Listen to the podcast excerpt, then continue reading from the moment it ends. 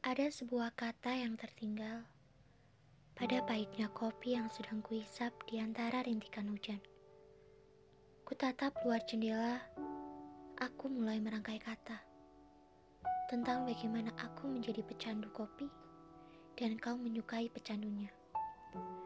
Sejujurnya, aku tak mau mengatakan ini di saat aku memang sudah benar-benar kehilanganmu. Secangkir kopi di mana kamu membiarkannya untuk dingin karena saat itu kau terlalu asik menatapku dan bercerita bersamaku.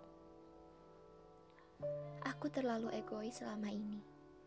Mempertahankan apa yang aku suka termasuk mempertahankanmu.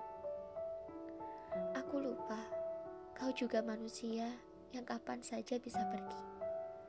Kau pergi dengan tulus mengucapkan perasaanmu padaku. Kamu sudah tiada.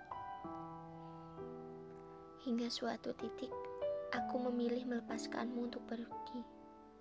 Dan aku sendiri, aku terjebak sunyi. Kini aku hanya menjadi gadis penyuka kopi yang tertinggal. Tertinggal kenangan, kisah, dan juga bayangan dari senyummu yang memabukkan. Terkesan kampungan memang. Tapi aku masih di tempat yang sama untuk seseorang yang sudah tiada. Ada raga yang mati, dan ada cinta yang tetap hidup bertahan di hati.